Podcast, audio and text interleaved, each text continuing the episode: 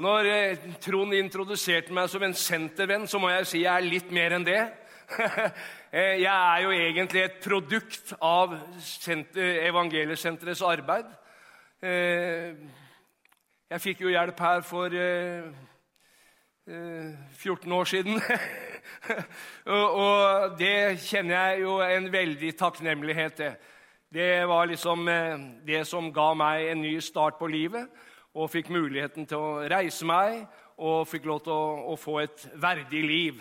Ja, Det som så ut som eh, holdt på å si rakettfart mot døden, det ble snudd opp ned og ble en, holdt på å si, en rakettfart mot himmelen. Halleluja. Så takk og lov for Evangeliesenteret. Og jeg kjenner jo det er veldig sterkt altså, når jeg hører vitnesbyrd her. Det er så fantastisk, altså. Og kunne jo, her kunne det jo stått folk til holdt på å si, resten av uka og hatt vitnesbyrd om hva Gud har gjort i, i deres liv. Og det er, det er, fantastisk, altså. Og det er flott at det politikerne som har vært der i dag, får høre vitnesbyrd om hva Gud gjør i menneskers liv. For det som er umulig for mennesker, det er fullt ut mulig for Gud. Amen. Og det er, det er det, som er fantastisk med det vi driver med. altså. De tror på noe som, eh, som forvandler. Amen. Yes. Eh, så må jeg bare erkjenne det at eh, jeg er litt nervøs, men det pleier å gå over. Halleluja. Eh.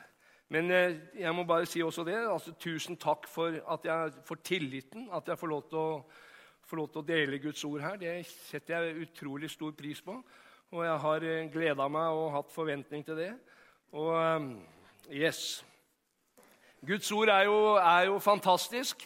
Og Det hører han jo flere vitner Det syns jeg er så flott når folk vitner om det og sier at Guds ord har forvandla meg. Og det er jo det. vet du. Guds ord er levende og virkekraftig.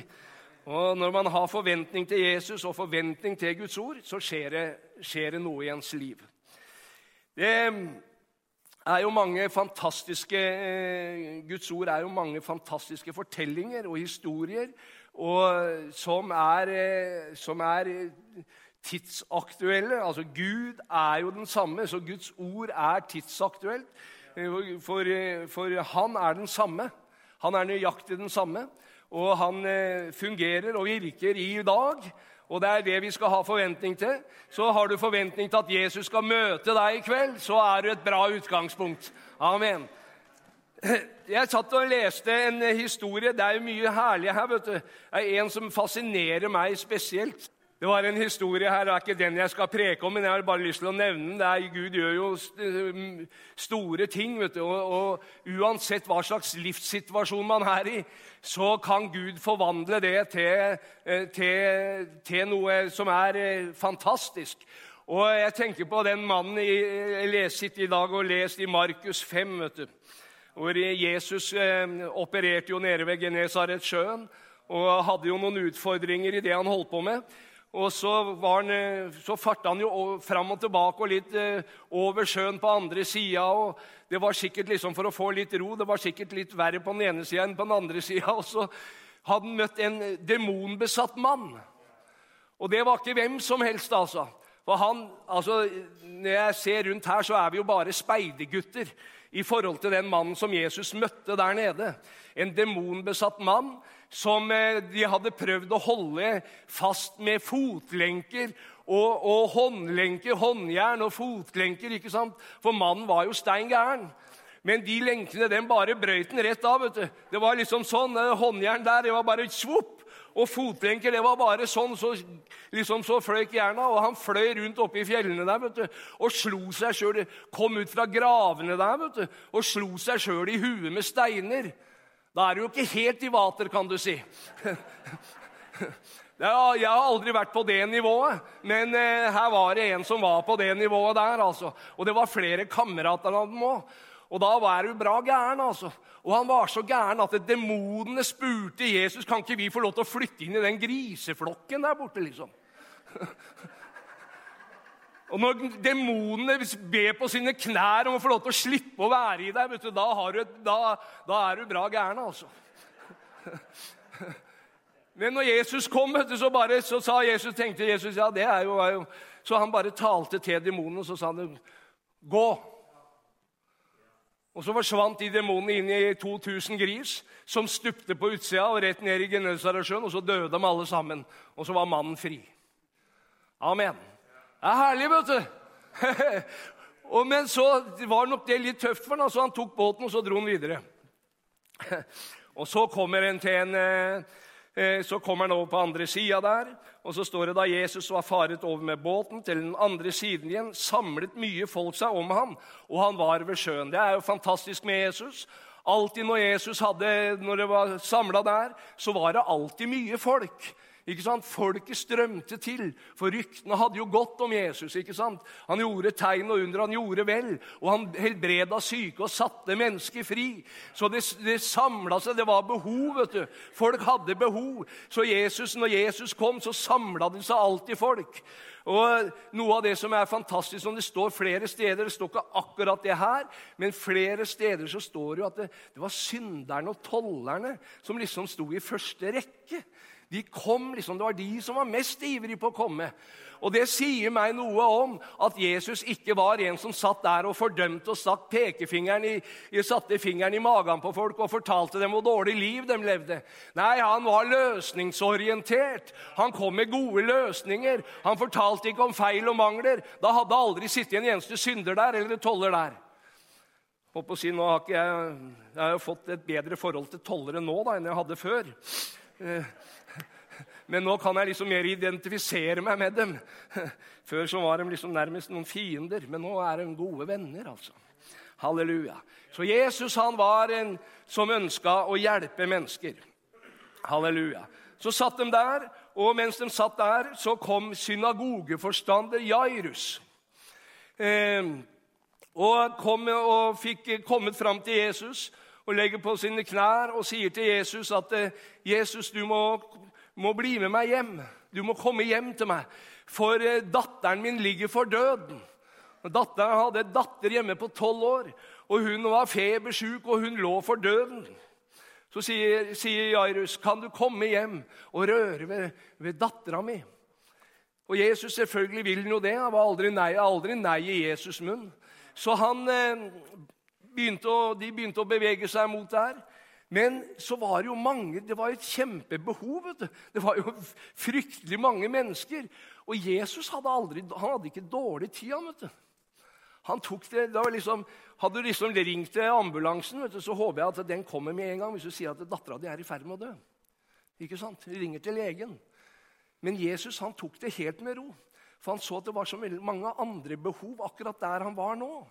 Ikke sant? Og det, folk trengte seg på, og det var masse mennesker der. Og så står det eh, eh, Han gikk da med ham, men en stor folkemengde fulgte med, og de trengte seg om ham. Så det var mye mennesker. De trengte seg på. Og så står det der var også en kvinne som hadde hatt blødninger i tolv år. Hun hadde lidd meget under mange leger. Alt det hun eide, hadde hun brukt uten å bli hjulpet. Det var heller blitt verre med henne. Hun hadde hørt om Jesus og kom nå bakfra i folkemengden og rørte ved eh, kappen hans. For hun sa, 'Kan jeg få røre, om så bare ved hans klær, så blir jeg frisk.' Da stanset blødningen med en gang, og hun kjente i sitt legeme at hun var helbredet for sin plage. Halleluja. Straks merket Jesus på seg selv at en kraft gikk ut fra ham. Han vendte seg om i folkemengden og sa, 'Hvem var det som rørte ved mine klær?' Hans disipler sa til ham, 'Du ser at folket trenger seg på deg, og så spør du hvem rørte ved meg?' Og han så seg omkring for å få øye på henne som hadde gjort dette. Men eh, eh, kvinnen som viste, seg, viste hva som var skjedd med henne, kom redd og skjelvende frem. Hun falt ned for ham og fortalte hele sannheten. Han sa da til henne, 'Datter, din tro har frelst deg. Gå bort i fred og vær helbredet fra din plage. Halleluja. Og Jeg tenker på det, denne, denne kvinnen her. vet du. Hun hadde hatt blødninger i tolv år. Nå har jeg aldri opplevd det. da. Jeg har ikke vært noe borti det greiene der. Men eh, hun hadde vært sjuk og hatt blødninger i tolv år. Og det, jeg forstår jo såpass at det må være en alvorlig situasjon. Og hun hadde vært til den ene legen etter den andre. Og hun hadde brukt alt hun eide av penger og midler, hadde hun brukt på forskjellige leger. Og så hadde hun blitt verre for hver eneste gang. Da blir du desperat, vil jeg tro. altså. Da blir du desperat etter å bli frisk. Og jeg tenker på det at hun, hun står at hun kom bakfra i folkemengden. Og jeg vil tippe det uten at jeg har noe sånn veldig dekning for det. Altså, men jeg bare gjør meg noen tanker. At en kvinne som har hatt blødninger og vært sjuk i tolv år pga. blødninger, hun er ikke den som liksom eh, Da skal det litt til å presse seg fram bakerst i folkemengden. For det var noen mennesker der, altså. Det var ikke 10-15-20 antageligvis. Det var folkemengde, står det. Og da, når du har vært sjuk i tolv år og, og, og, presser deg fram sånn, så er du desperat, altså. Da skjønner du det at dette her er min siste mulighet. Og det tror jeg det var hun tenkte. Dette er min siste mulighet for å få et annerledes liv. Så hun var desperat etter å få en berøring av Jesus. Hun var desperat etter å møte Jesus. Og Noen ganger tenker jeg er vi så desperate for å få en berøring fra himmelen at vi bare trenger oss på og bare for alt det det er verdt, altså. Trenger oss på. Jo, Jesus, jeg vil møte deg i kveld. Jeg vil ha en berøring av din kraft i kveld, Jesus. For jeg trenger det til en forvandling i mitt indre liv. Halleluja. Det var det henne, denne dama her hadde, vet du. Og jeg tenker, jeg, Noen ganger så prøver, har jeg identifisert meg litt med den historien. Eh, fordi at jeg var på en måte noe i den samme situasjonen, opplevde jeg. Når jeg var midt, oppe i mitt rusmisbruk, hvor jeg hadde vært, eh, vært, narkoman i så mange år og hadde vært innlagt jeg hadde, jeg hadde jo også gått fra den ene legen til den andre. Fra den ene institusjonen til den andre. Fra den ene psykiateren og psykologen og det ene med det andre. Jeg hadde jo 31 innleggelser på forskjellige institusjoner. Og jeg ble faktisk, akkurat som denne dama her, jeg ble dårligere og dårligere og dårligere for hver eneste gang. Og da blir du desperat vet du, når du mislykkes gang på gang og, at, og du har én drøm og én tanke i hodet 'Jeg vil ha det annerledes'. Og jeg var desperat, jeg, altså. Når jeg hadde, i tillegg hadde mista både eldstebroren min, som jeg fant død av en overdose, yngstebroren min, som ble hengt opp i et tre fordi han, på grunn av stoffgjeld. Og du vet det i ditt indre at neste gang er det meg. Da blir du desperat. Det kan jeg i hvert fall fortelle deg. Da blir du desperat. Og når lege, ingen leger og ingen institusjoner kan hjelpe deg, og du har gått fra den ene til den andre Jeg kommer aldri til å glemme han. Det var en av de siste gangene jeg var innlagt på en offentlig institusjon. Nå sier jeg ikke dette her for å latterliggjøre folk, men det sier noe om eh, hva vi holder på med. altså. Det var en psykiater, vet du. Så sa han det er bare én måte, måte igjen. Sånn. Det er bare én, ett alternativ igjen for deg, Dørum. Sånn. Det er at jeg må hypnotisere deg til å bli rusfri. Ja, tenkte jeg er ikke verre enn det. Så, jeg, eh, så sa han ja, sånn. Dette her har jeg fått dispensasjon i Norge. Han hadde vært utdannet, han var jo, han var, På den tida var han jo Norges mest anerkjente psykiater. Så sa han ja, han hadde vært i USA da, og studert dette her og fått skikkelig opplæring. Så dette her kunne han. Så han sa det at, eh, så, satt, så kom jeg inn på kontoret hans. da. Så satte jeg meg ned. Og så satt han og sa nå skal jeg hypnotisere deg. sånn. Så når du kommer til å sovne, og når du våkner Når jeg knipser i fingeren, så kommer du til å våkne. Og så sier jeg narkotika, og da kommer du til å spy. sånn. Og du kommer aldri mer til å røre stoff. Og det var ikke verre enn det, nei. Så jeg satte meg ned, vet du, og han satt der foran meg med en sånn kulepenn. vet du. Og så sa han, 'Nå blir du snart trøtt', sa han. Og jeg var jo ganske trøtt før jeg kom, kan du si. Så jeg satt jo sånn og halvsov allerede i den stolen. Så satt han med den kulepennen og så sa han, 'Nå sover du snart', sa han. 'Nå sovner du. Nå sovner du.' Og jeg blei helt borte. vet du, og Plutselig bare lå jeg der og var helt, helt ferdig. Og så hørte jeg han knipsa og hoia og greier. vet du, og Jeg kom meg opp og kikka sånn. sånn. 'Narkotika', sa han. 'Å, narkotika', tenkte jeg. Så jeg var ute av den døra vet du, før han fikk sagt ordet ferdig. vet du. Jeg tenkte, her må jeg bare, Det var skikkelig en sånn påminnelse om at nå må jeg ut og handle. liksom. Så det virka jo ikke. Det var liksom mitt siste forsøk. Og så, så sa han det. Du, Dørum, sa han, det er ikke et menneske som kan hjelpe deg. Det er ikke et menneske på denne kloden her som kan hjelpe deg, og det hadde han helt rett i. Takk og lov.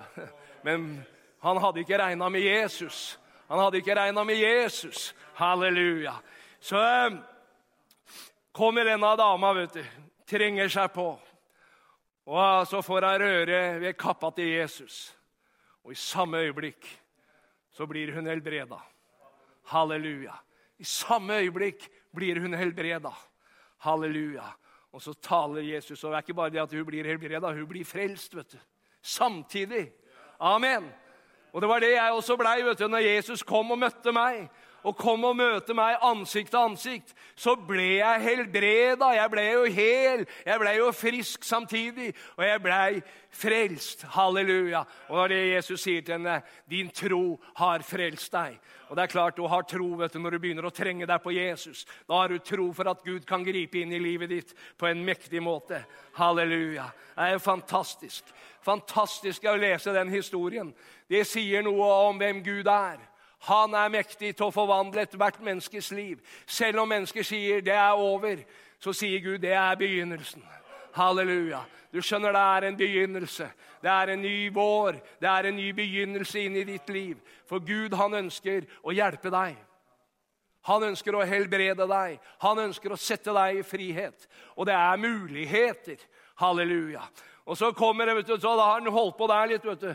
Og så er de på vei, Samtidig så er de på vei ned til Jairus hus. vet du.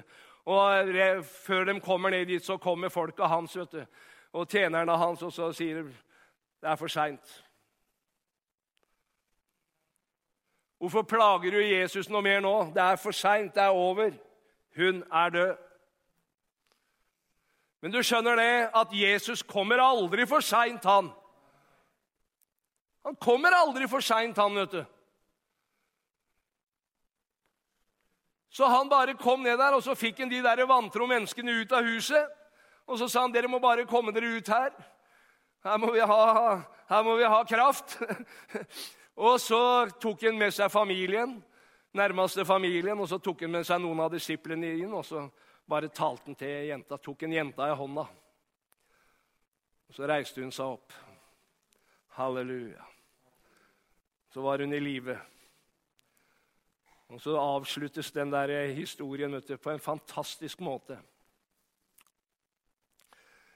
Jesus han, han reagerer veldig spesielt. vet du. Det var liksom det miraklet. Folk rundt de sto sikkert med store øyne. vet du. Wow!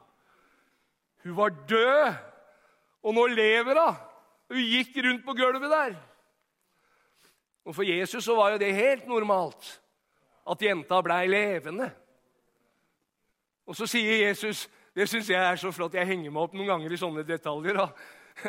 Så synes jeg det er så flott, så sier Jesus se å få gitt jenta noe mat. Hun er sulten. Det var det Jesus var opptatt av. For du skjønner det at Jesus han er opptatt av hele mennesket. Han vet du. Han er opptatt av å frelse mennesker. Han er opptatt av at mennesker skal bli hele og friske. Og så er han opptatt av at mennesker skal ha det bra. Halleluja. Derfor sa Jesus se å få gitt henne litt mat, og hun er jo sulten. Halleluja. Amen. Og jeg tenker på den eh, Nå skal ikke jeg gjøre narr av leger, altså. Ikke, må dere ikke misforstå meg, fordi at jeg har veldig respekt for det. Og det er veldig mange av dem som har hjulpet meg. Så det er ikke noe sånn latterliggjøring når jeg fortalte den historien. Så har jeg veldig tro på leger. Og vi samarbeider jo med leger både i Evangeliesenteret og i Marita-stiftelsen, som jeg er. Så, så, det har jeg tro på. Og man bør jo helst uh, oppsøke lege.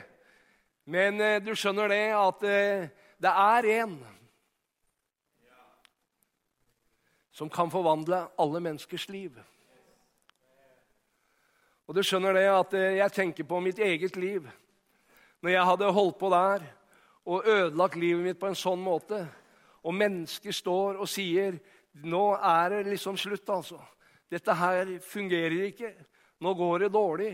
Omstendighetene sier at dette blir ikke bra.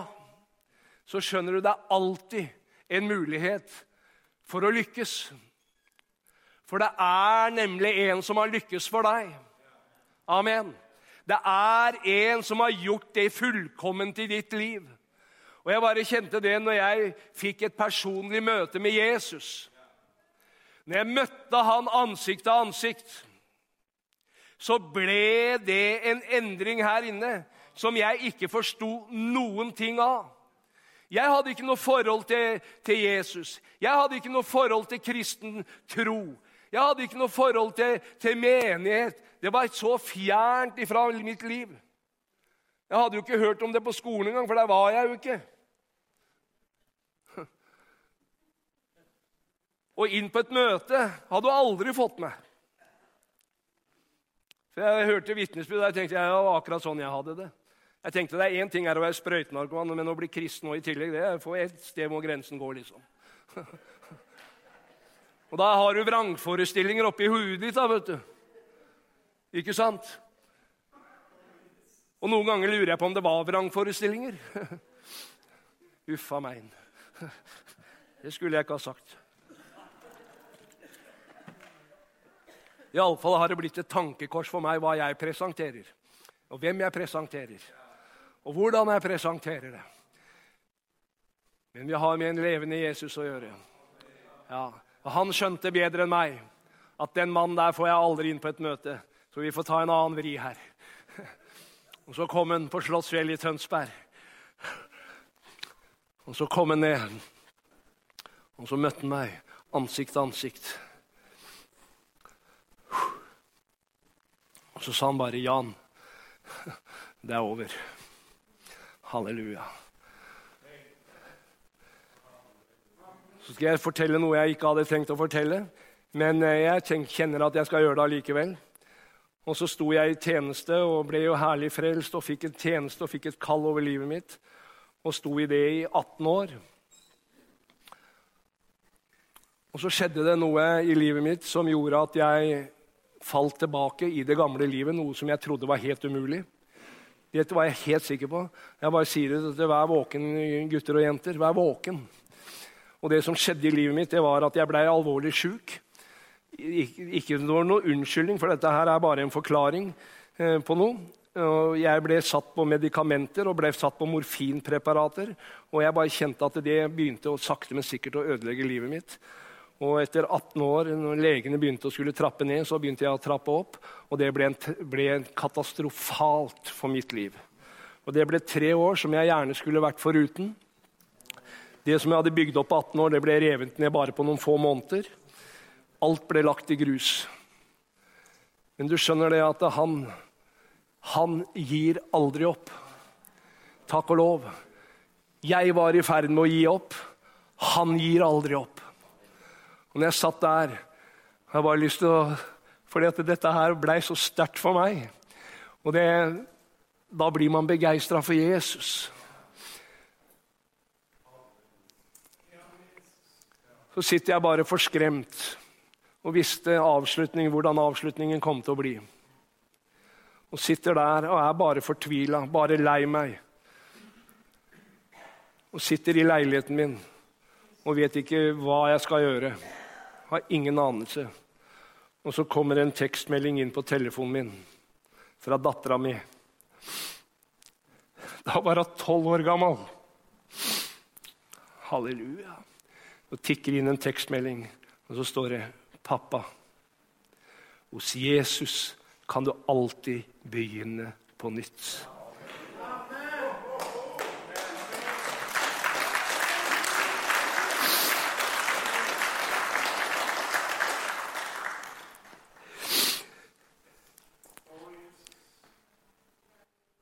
Det var det som på nytt skapte et frø av tro i mitt hjerte.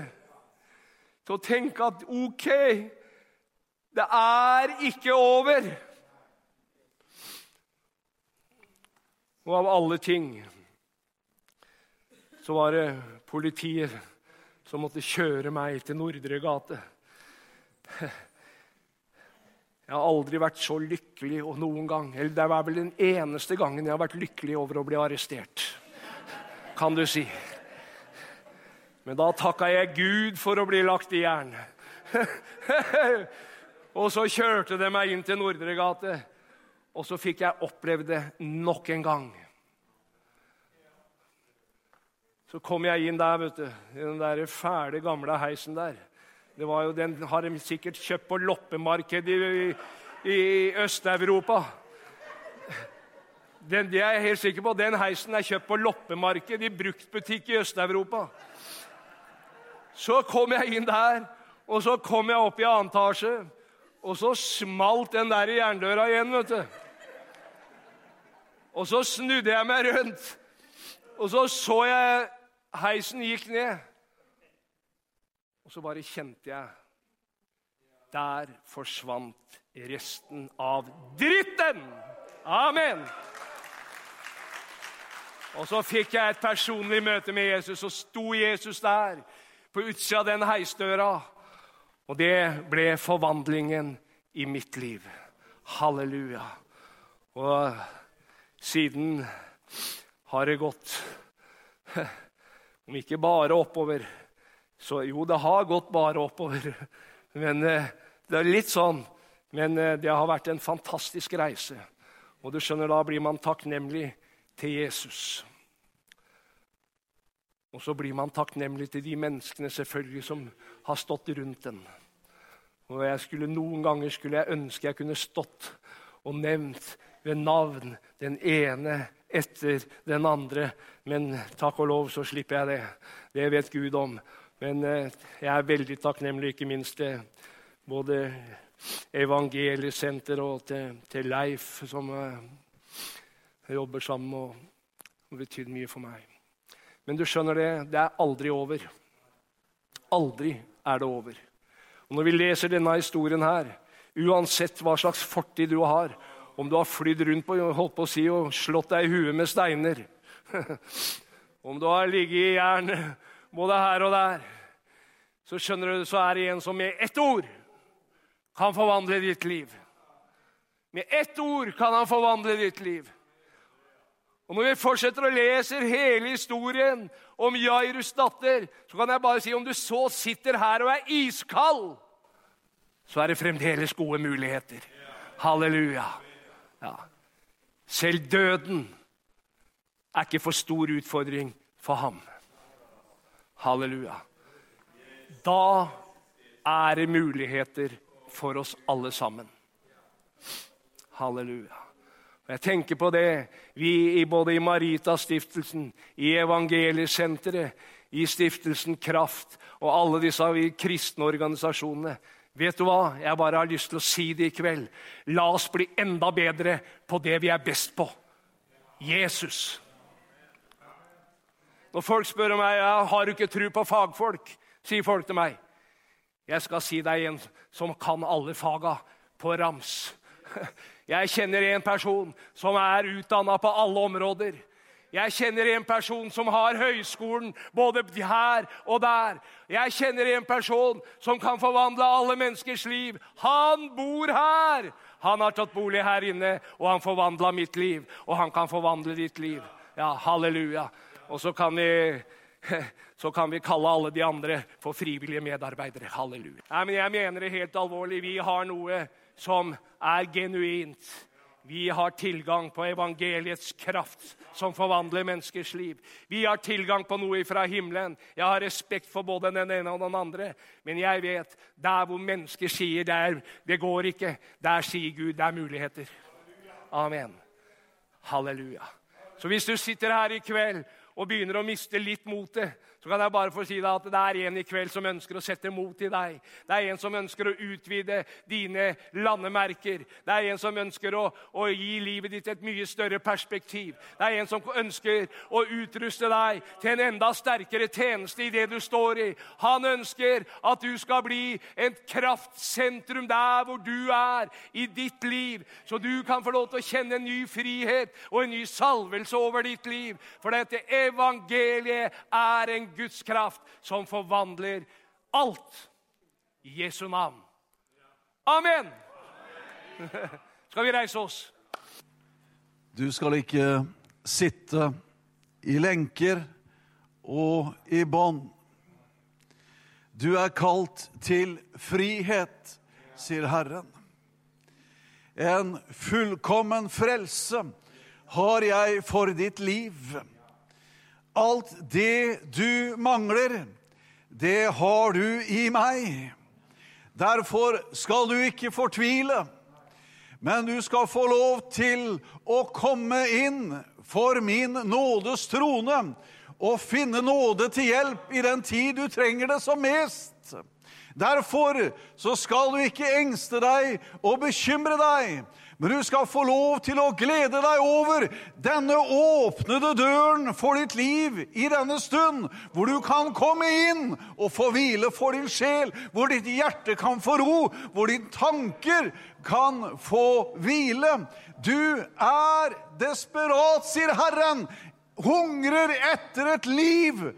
Det livet har jeg for deg, sier Herren, og det er et liv i overflod. Jeg brøt mørkets velde på korset og vant en fullkommen seier for ditt liv. Himmelen åpnet seg, forhenget revnet, og du er gitt adgang inn for tronen, sier Herren. Det er bana en ny og en levende vei innenfor nådens trone for ditt liv. Mørket har ikke makt lenger.